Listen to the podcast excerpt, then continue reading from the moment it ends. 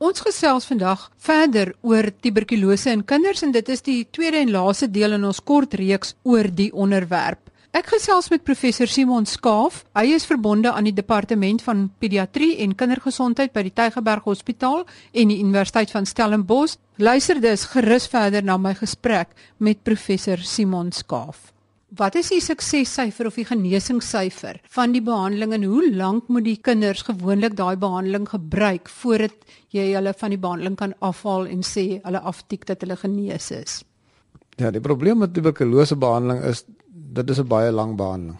Vir sensitiewe tuberkulose is die behandeling op hierdie stadium 6 maande. So enige kind wat gediagnoseer word met tuberkulose wat sensitief is vir die gewone eerste linie middels moet vir 6 maande die behandeling neem voordat ons sal sê hy is nou behandeling voltooi. In kinders kan jy net praat van genesing as jy die kiem identifiseer het aan die begin en aan die einde kan jy sê hy is nou kultuur negatief of voor die einde van die behandeling hy is kultuur negatief dan kan jy sê hy is genees. So genesing en voltooiing van behandeling is twee verskillende dinge, maar beide suksesvolle behandeling. In die geval van weerstandige tuberkulose hang dit af as jy weerstandig teen een middel of is dit MDR of is dit XDR want dit gaan alles bepaal hoe lank die behandeling gaan duur. In geval van MDR behandeling op die oomblik is die behandeling gewoonlik tussen 15 en 18 maande vir kinders, vir volwassenes nog langer. En vir XDR tuberkulose van 18 tot 24 maande baie baie lang behandeling met baie moeilike middels om te drink want dit is nie altyd aangenaam nie baie neeweffekte wat kan gebeur. Maar selfs XDR tuberkulose kan genees word solank mens die effektiewe behandeling neem. Hoeveel word gesond? Gelukkig kinders reageer oor die algemeen baie beter as volwassenes. By verre die meerderheid ek wil sê in die geval van sensitiewe tuberkulose waarskynlik meer as 95% gaan volledig genees selfs in die geval van ernstige tuberkulose soos tuberkulose meningitis onder goeie behandeling 5% 4% sterfte syfer maar ongelukkig afhangende van hoe laat in die siekte hulle presenteer het kan daar natuurlik heelwat oorblywende skade wees. Ander skade soos breinskade verlamming en so wat nog kan agterbly nadat hulle genees is van die tuberkulose. Die tuberkulose is dan nie meer daar nie maar dis die breinskade wat opgedoen is as gevolg van die infeksie wat kan oorbly. Selfs geld natuurlik met gevorderde vorms van longtuberkulose dat die longskade kan bly alhoewel hulle gesond is van die tuberkulose. So genesing in kinders oor die algemeen baie goed. Hoe vroeër ons diagnoseer, hoe vroeër ons begin met behandeling, hoe beter die uiteindelike uitkoms. En selfs in die geval van MDR en XDR tuberkulose onder goeie behandeling, meer as 90% van die kinders word genees. As mens die gewone tuberkulose kiem kry en jy neem nie jou behandeling nie, kan dit dan MDR TB word en kan MDR tuberkulose as jy weer nie jou middels neem nie omskakel na XDR tuberkulose of is dit nou drie aparte stamme wat jy inkry? Ja, so MDR tuberkulose of weerstandige tuberkulose ontwikkel omdat behandeling nie goed gegee of geneem word nie. Dit gaan nie net oor die neem van die behandeling maar ook die voorskrif. Op watter manier skryf ek dit voor? Is die middels altyd beskikbaar by die kliniek? As jy die middels kry, neem jy al die behandeling of neem jy net selektief wat jy van hou en los jy uit die wat jy nie van hou nie? In daardie gevalle kan 'n mens weerstandigheid ontwikkel in 'n pasiënt. Soms is ons nie bewus van weerstandigheid. Byvoorbeeld in 'n geval van iemand wat 1 H weerstandige tuberkulose het en ons doen net die gene expert dan weet ons net van die rifampicin wat sensitief is, maar ons weet eintlik nie dat die persoon alreeds weerstandig is teen ENH, die organisme wat hy oorspronklik gekry het, mag alreeds weerstandig wees teen teen ENH. En as jy dan die gewone primêre behandeling of sensitiewe middelbehandeling gee, kan daardie persoon oorgaan na MDR tuberkulose. Soos ek sê, dit gaan nie altyd oor die pasiënt nie. Soms is dit ons wat nie weet nie of middels wat vir 'n tyd lank nie effektief beskikbaar is nie of verkeerde voorskrifte maar dikwels onwetend. En natuurlik dieselfde kan gebeur van MDR na XDR. Ons gee voorskrifte op grond van wat ons weet, maar ons is nie altyd bewus van al die fynere nuances van die weerstandigheid van daardie spesifieke organisme en dan kan ons veroorsaak dat die persoon verder weerstandigheid ontwikkel. Ongelukkig is dit so dat die pasiënte baie groot rol speel deurdat hulle nie hulle behandeling reg neem nie. Maar omdat ons al reeds so baie weerstandige tuberkulose in die gemeenskap het, is 'n baie groot faktor vandag oordrag van weerstandige organismes. So 'n persoon wat eerste keer tuberkulose kry nou, kan alreeds MDR of XDR tuberkulose kry as hy aangesteek word deur iemand wat reeds MDR of XDR tuberkulose het. En dit gebeur al meer omdat al meer sulke gevalle in die gemeenskap voorkom. As ek nou moet terugkom na kinders toe, kinders kry altyd die kiem as 'n weerstandige kiem. Dis baie selde wat veral jong kinders weerstandigheid ontwikkel omdat hulle baie minder kieme het. Mense het baie kieme nodig om weerstandigheid te ontwikkel. So as jy min organismes in jou liggaam het, soos in die geval van kinders met tuberkulose, meeste kinders, dan is dit moeilik om selfs met slegte behandeling weerstandigheid te ontwikkel. Belangrik natuurlik is ook om te onthou dat ouer kinders, byvoorbeeld tieners wat volwasse tipe tuberkulose het, kavitêre siekte, holtevormende siekte, dat as hulle nie hulle behandeling nie, kan hulle natuurlik dieselfde oorkom as volwassenes. So is nie alle kinders nie, maar veral hulle wat die vroeëre vorms van tuberkulose het waar weerstandigheid moeiliker is om te ontwikkel. In julle praktyk hier by Tygerberg Hospitaal, as julle die kinders met TB moet verdeel in drie groepe, die met die sensitiewe, die gewone tuberkulose, MDR en XDR, hoe lyk daai ratios wat julle sien hierso? Die afgelope 12 jaar kyk ons na al die kinders wat positiewe kultuur tuberkulose het in die hospitaal. En ons sien omtrent 150 kinders met positiewe kulture per jaar. En soos ek net al gesê het, ons moet net onthou, dis net omtrent 'n derde van die kinders wat positiewe kulture uiteindelik gaan hê. Die ander 2/3 gaan negatiewe kulture hê selfs as hulle dit doen. So dit is maar 'n gedeelte van die kinders wat ons kan kultuur in bevestig het hulle weerstandige of ehm um, sensitiewe tuberkulose. Weerstandigheid teen 1H die eerste en belangrikste middel vir tuberkulose is omtrent op hierdie stadium in Tygerberg Hospitaal hier by tussen 12 en 15% en vir MDR tuberkulose omtrent 7% van ons kinders. Gelukkig XDR is nog redelik laag, maar ons begin al meer gevalle van XDR tuberkulose ook in kinders sien. Kinders kry dit omdat dit oorgedra word as XDR van die volwassenes na die kinders. So jy verwag dat dit gaan styg. Ek dink as ons realisties moet wees voordat ons nie ordentlik XDR behandeling kan toepas in volwassenes nie, gaan ons dit in kinders ook sien. Sodra ons XDR tuberkulose goed kan behandel in volwassenes en daar is definitiewe vordering op die gebied want daar is nuwe middels waarmee hulle die volwassenes behandel. So daar is 'n moontlikheid om XDR tuberkulose in volwassenes ook effektief te behandel. Maar dit hang natuurlik ook af baie van die pasiënte dat hulle wel die behandeling neem want anders gaan 'n mens net nog verder weerstandigheid ontwikkel en dan is dit amper onmoontlik om te behandel. So die volwassenes en die kinders wat behandeling kry, moet hulle behandeling neem en dit voltooi anders sal ons nooit tuberkulose regtig waar onder die knie kry nie. Oor die behandeling en die beskikbaarheid van middels, is daar met tye wat daar nie van die uh, tuberkulose medikasie beskikbaar is vir die pasiënte nie?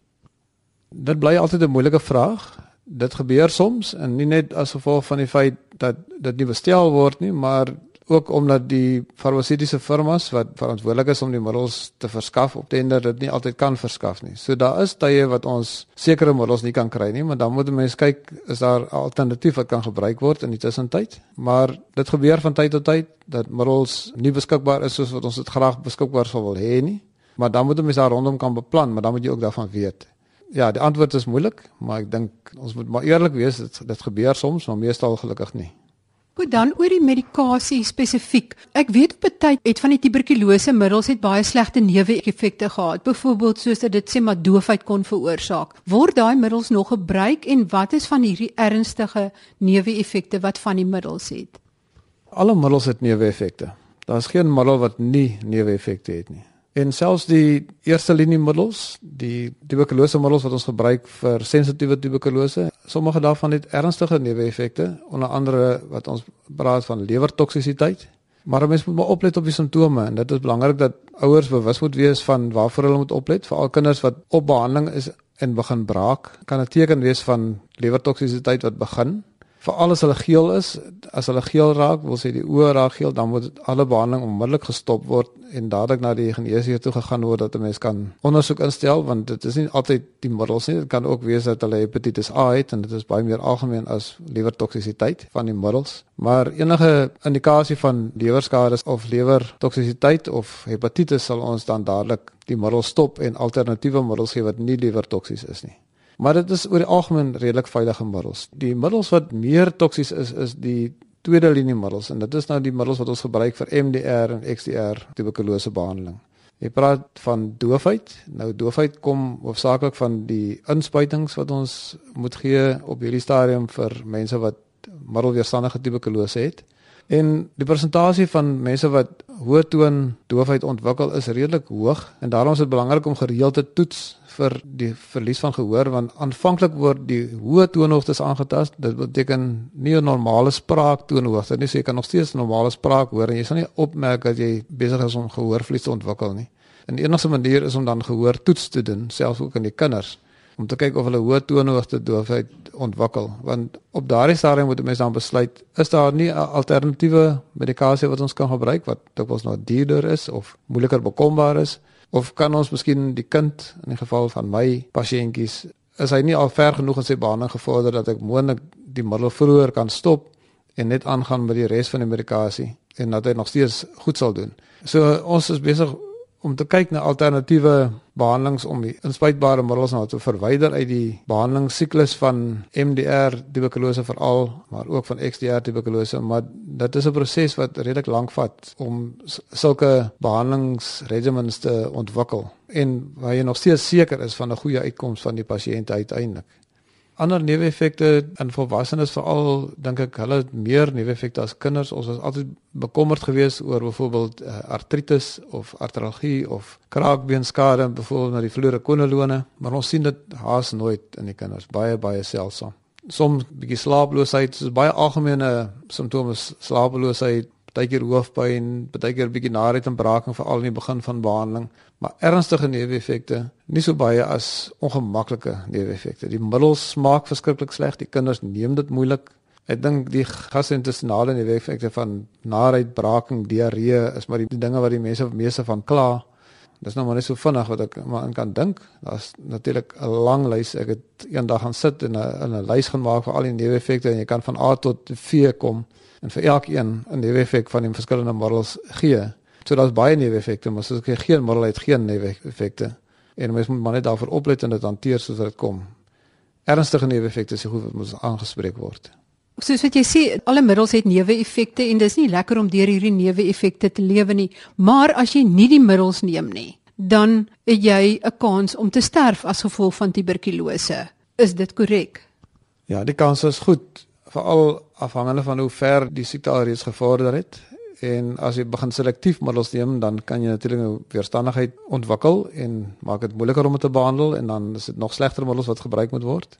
Dood van tuberkulose is algemeen, veral onder mense wat nie hulle behandeling neem nie. En mense hoor baie van veral volwassenes wat nie hulle behandeling geneem het en dan te sterwe gekom het. En selfs met sensitiewe tuberkulose wat dit regtig vandag nie meer nodig is dat mense sommer net sterf nie, maar net omdat hulle onwillig was om die medikasie te neem. Ek dink baie sterftes van tuberkulose is voorkombaar deur net om die behandeling te neem. En ek praat nou van beide sensitiewe sowel as middelweerstandige tuberkulose. Ek weet nie wat dit is wat mense laat besluit hoe hoekom hulle nie hulle behandeling neem nie behalwe nou vir die neeweffekte. Dit kan ek in 'n mate verstaan, maar nie genoeg om te verstaan hoekom mense dan eerder sal wil sterf van jou siekte. Mens kan vra, gaan almal sterf as hulle nie hulle behandeling neem nie? En die antwoord is as mens kyk na die geskiedenis van tuberkulose voor behandeling, dan is 50% van mense wat nie behandeling gekry het nie want daar was nie behandeling nie. 50% van mense het gesterf, 30% van mense het vir lang tye met kroniese longsiekte geleef en die organisme bly uithoes die hele tyd en ander mense aangesteek en 20% van mense het gesond geword.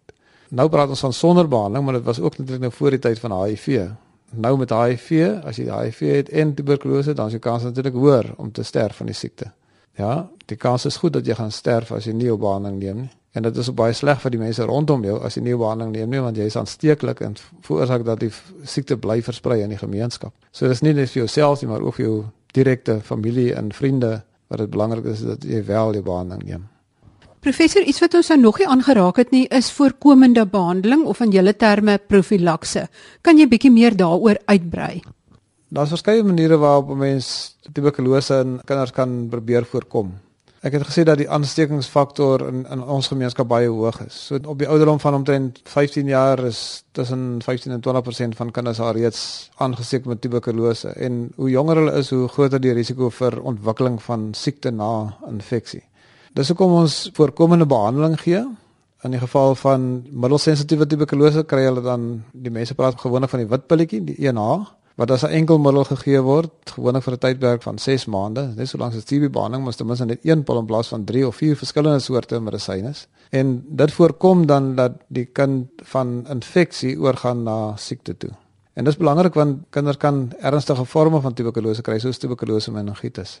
In die geval van middelweerstandige tuberkulose, veral MDR tuberkulose, is daar ook al behandeling beskikbaar wat ons wel gee veral hier in die Weskaap om weerstandige tuberkulose in kinders veral onder ouderdom van 5 te voorkom. Dis 'n kombinasie van middels, maar ons is op die punt om te begin om te toets 'n enkel middel om multiweerstandige tuberkulose te voorkom. Maar dit gaan nog 'n hele tydjie vat vir ons by daardie punt kom wat ons kan sê dit werk of dit werk nie. Die drie middel kombinasie wat ons tans in die Weskaap gee, is ons redelik seker dat dit wel effektief is want die kinders wat daarop beskryf nie tuberkulose en baie ander kry dit wel. Ander maniere van voorkoming is ouers sal weet van die BCG immunisasie wat by geboorte gegee word. Dit is ongelukkig nie 'n baie effektiewe vaksin of immunisasie nie, maar wat dit wel doen is dit beskerm teen die ernstige forme van tuberkulose. Nie almal nie, maar dit verminder die kans vir ernstige forme van tuberkulose soos tuberkulose meningitis of verspreide, ons praat van miliêre tuberkulose want dit lyk soos millet seeds op die ekstraal of erge forme van pulmonale tuberkulose, longtuberkulose kan soms voorkom word met die BCG en dis hoekom dit wel belangrik is dat kinders dit kry op 'n jong ouderdom. Waarskynlik ook 'n baie groot mate van voorkoming is goeie voedingstoestand van kinders. Nie dat hulle dit nie kan kry nie, hulle kan nog steeds tuberkulose kry, maar as jou voedingstoestand goed is, dan beteken jou immuniteit is waarskynlik goed as kinders HIV geïnfekteer is, in daardie geval hoe vinniger hulle op antiretrovirale behandeling kom, hoe beter is hulle kanse om ook die kiem onder beheer te bring met hulle eie immuniteit. Natuurlik ook as hulle blootgestel word aan tuberkulose volwassenes, dan moet hulle ook voorkomende behandeling neem, die ENA of dan die alternatiewe vir die middelweerstandige tuberkulose.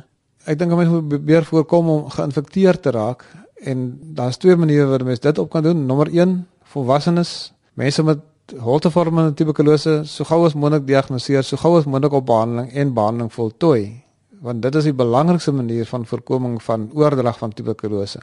En as mense dan onseker is oor tuberkulose, goed geventileerde areas, vensters oop as jy in 'n taxi ry, as jy in 'n wagkamer sit, maak seker dat die deure en die vensters oop is, as dan veral as jy met 'n klomp siek mense daar sit wat hoes, maak seker dat daar ventilasie is, dat daar 'n manier is wat die organismes in die lug kan verminder want mens weet nie wie sit saam met jou in 'n kliniek of in 'n taxi. So ventilasie by die werkplek. As jy werk saam met mense en jy's hulle hoes baie, maak seker daar's goeie ventilasie.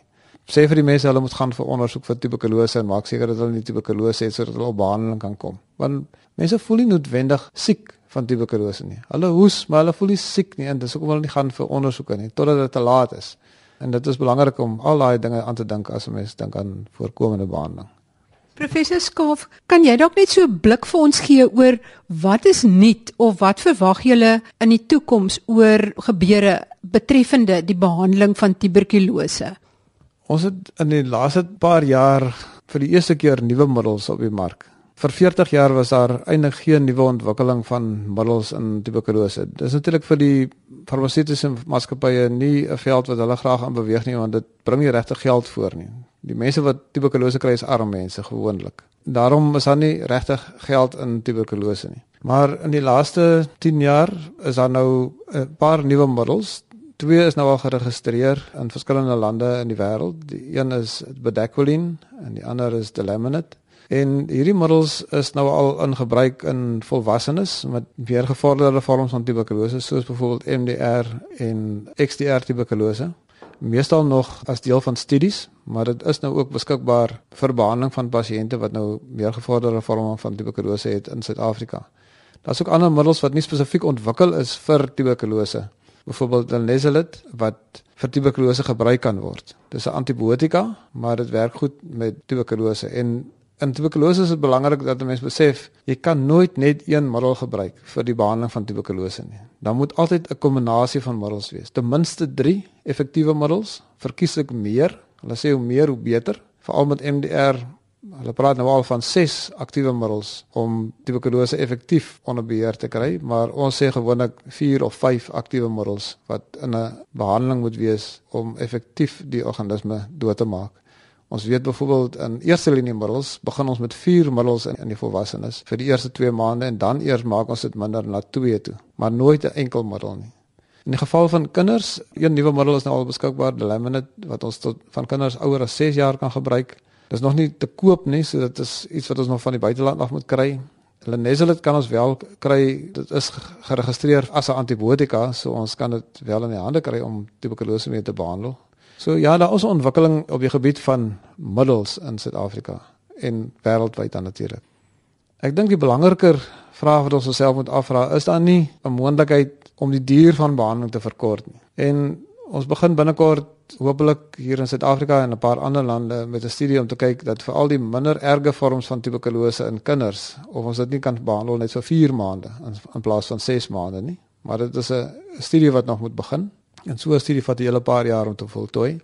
En dan die ander behandeling wat daar redelike ontwikkeling is op hierdie stadium is behandeling vir MDR tuberkulose. Waar daar nou al behandelingskombinasies is wat die behandelingsduur kan verkort na 9 tot 12 maande. Weereens dis nog in 'n toetsfase, so dit is nog nie algemeen beskikbaar of in die algemene gebruik nie. Op die oomblik het ons nog maar nog die 18 maande behandeling. Alhoewel ons in kinders wat mindere mate siekte het, besluit ons op grond van hoe erg die siekte is, het hulle 12 maande nodig of 15 maande of 18 maande, maar dit is 'n individuele besluit op elke kind en na gelang van die vordering van die kind en die kulture wat negatief is of word en op grond daarvan besluit ons dan op die duur van behandeling. So daar is ontwikkeling, maar die ontwikkeling vat tyd en juis omdat die organisme so stadig verdeel, maak dit moeilik. En is die opvolgperiode so belangrik wanneer jy moet die persoon nou behandel vir daai tydperk en dan moet jy nou nog vir 2 jaar opvolg om te kyk of daar nou 'n terugval gaan wees of nie. Maar dit is nie net 'n kwessie van is ek gesond na 9 maande of 12 maande en lyk alles reg nie. Dit is as ek 2 jaar later nog steeds gesond, dan as jy weer van voor af moet begin, dan is dit nog erger. As jy 'n finale boodskap moet gee vir mense wat nou luister, wat sal daardie boodskap wees? Ek kan dink aan baie boodskappe. Ek dink die een ding is as jy vermoed dat jy as volwassene of jou kind moontlik tuberkulose het, is dit belangrik om so vroeg moontlik die diagnose te probeer bevestig. So gaan na die kliniek, gaan na jou geneesheer, laat hulle dan vir jou ondersoek vir tuberkulose. Hoe vroeër hoe beter, hoe makliker gaan die behandeling wees. En dan in die tweede plek, as die diagnose van tuberkulose dan gemaak is, dat die behandeling voltooi moet word. En daarvoor het mense dikwels baie aanmoediging nodig. Ons weet self hoe moeilik dit is om antibiotika te drink vir 5 dae as jy na 2 dae gesond voel. En dat ons dan maar die kursus moet voltooi want anders kan die kiem weer terugkom. Dieselfde geld vir tuberkulose. As jy beter voel na 2 maande beteken jy is nie gesond nie. Al wat dit sê is jou liggaam is besig om te genees, jy voel beter, maar daar is nog steeds genoeg tuberkulose kieme wat weer gaan begin groei as jy nie voortgaan en die behandeling voltooi nie.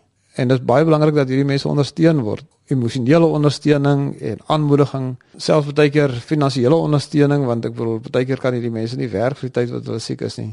Ek wil die gemeenskap aanmoedig dat hulle mekaar bemoedig om die behandeling te voltooi want dit is belangrik in almal se belang en ek wil die pasiënte aanmoedig dat as hulle tuberkulose het om wel die behandeling te neem ten spyte van die feit dat dit nie lekker is nie en nie aangenaam is nie, maar in belang van hulle self, hul eie gesondheid en genesing, maar ook in die belang van die res van die gemeenskap.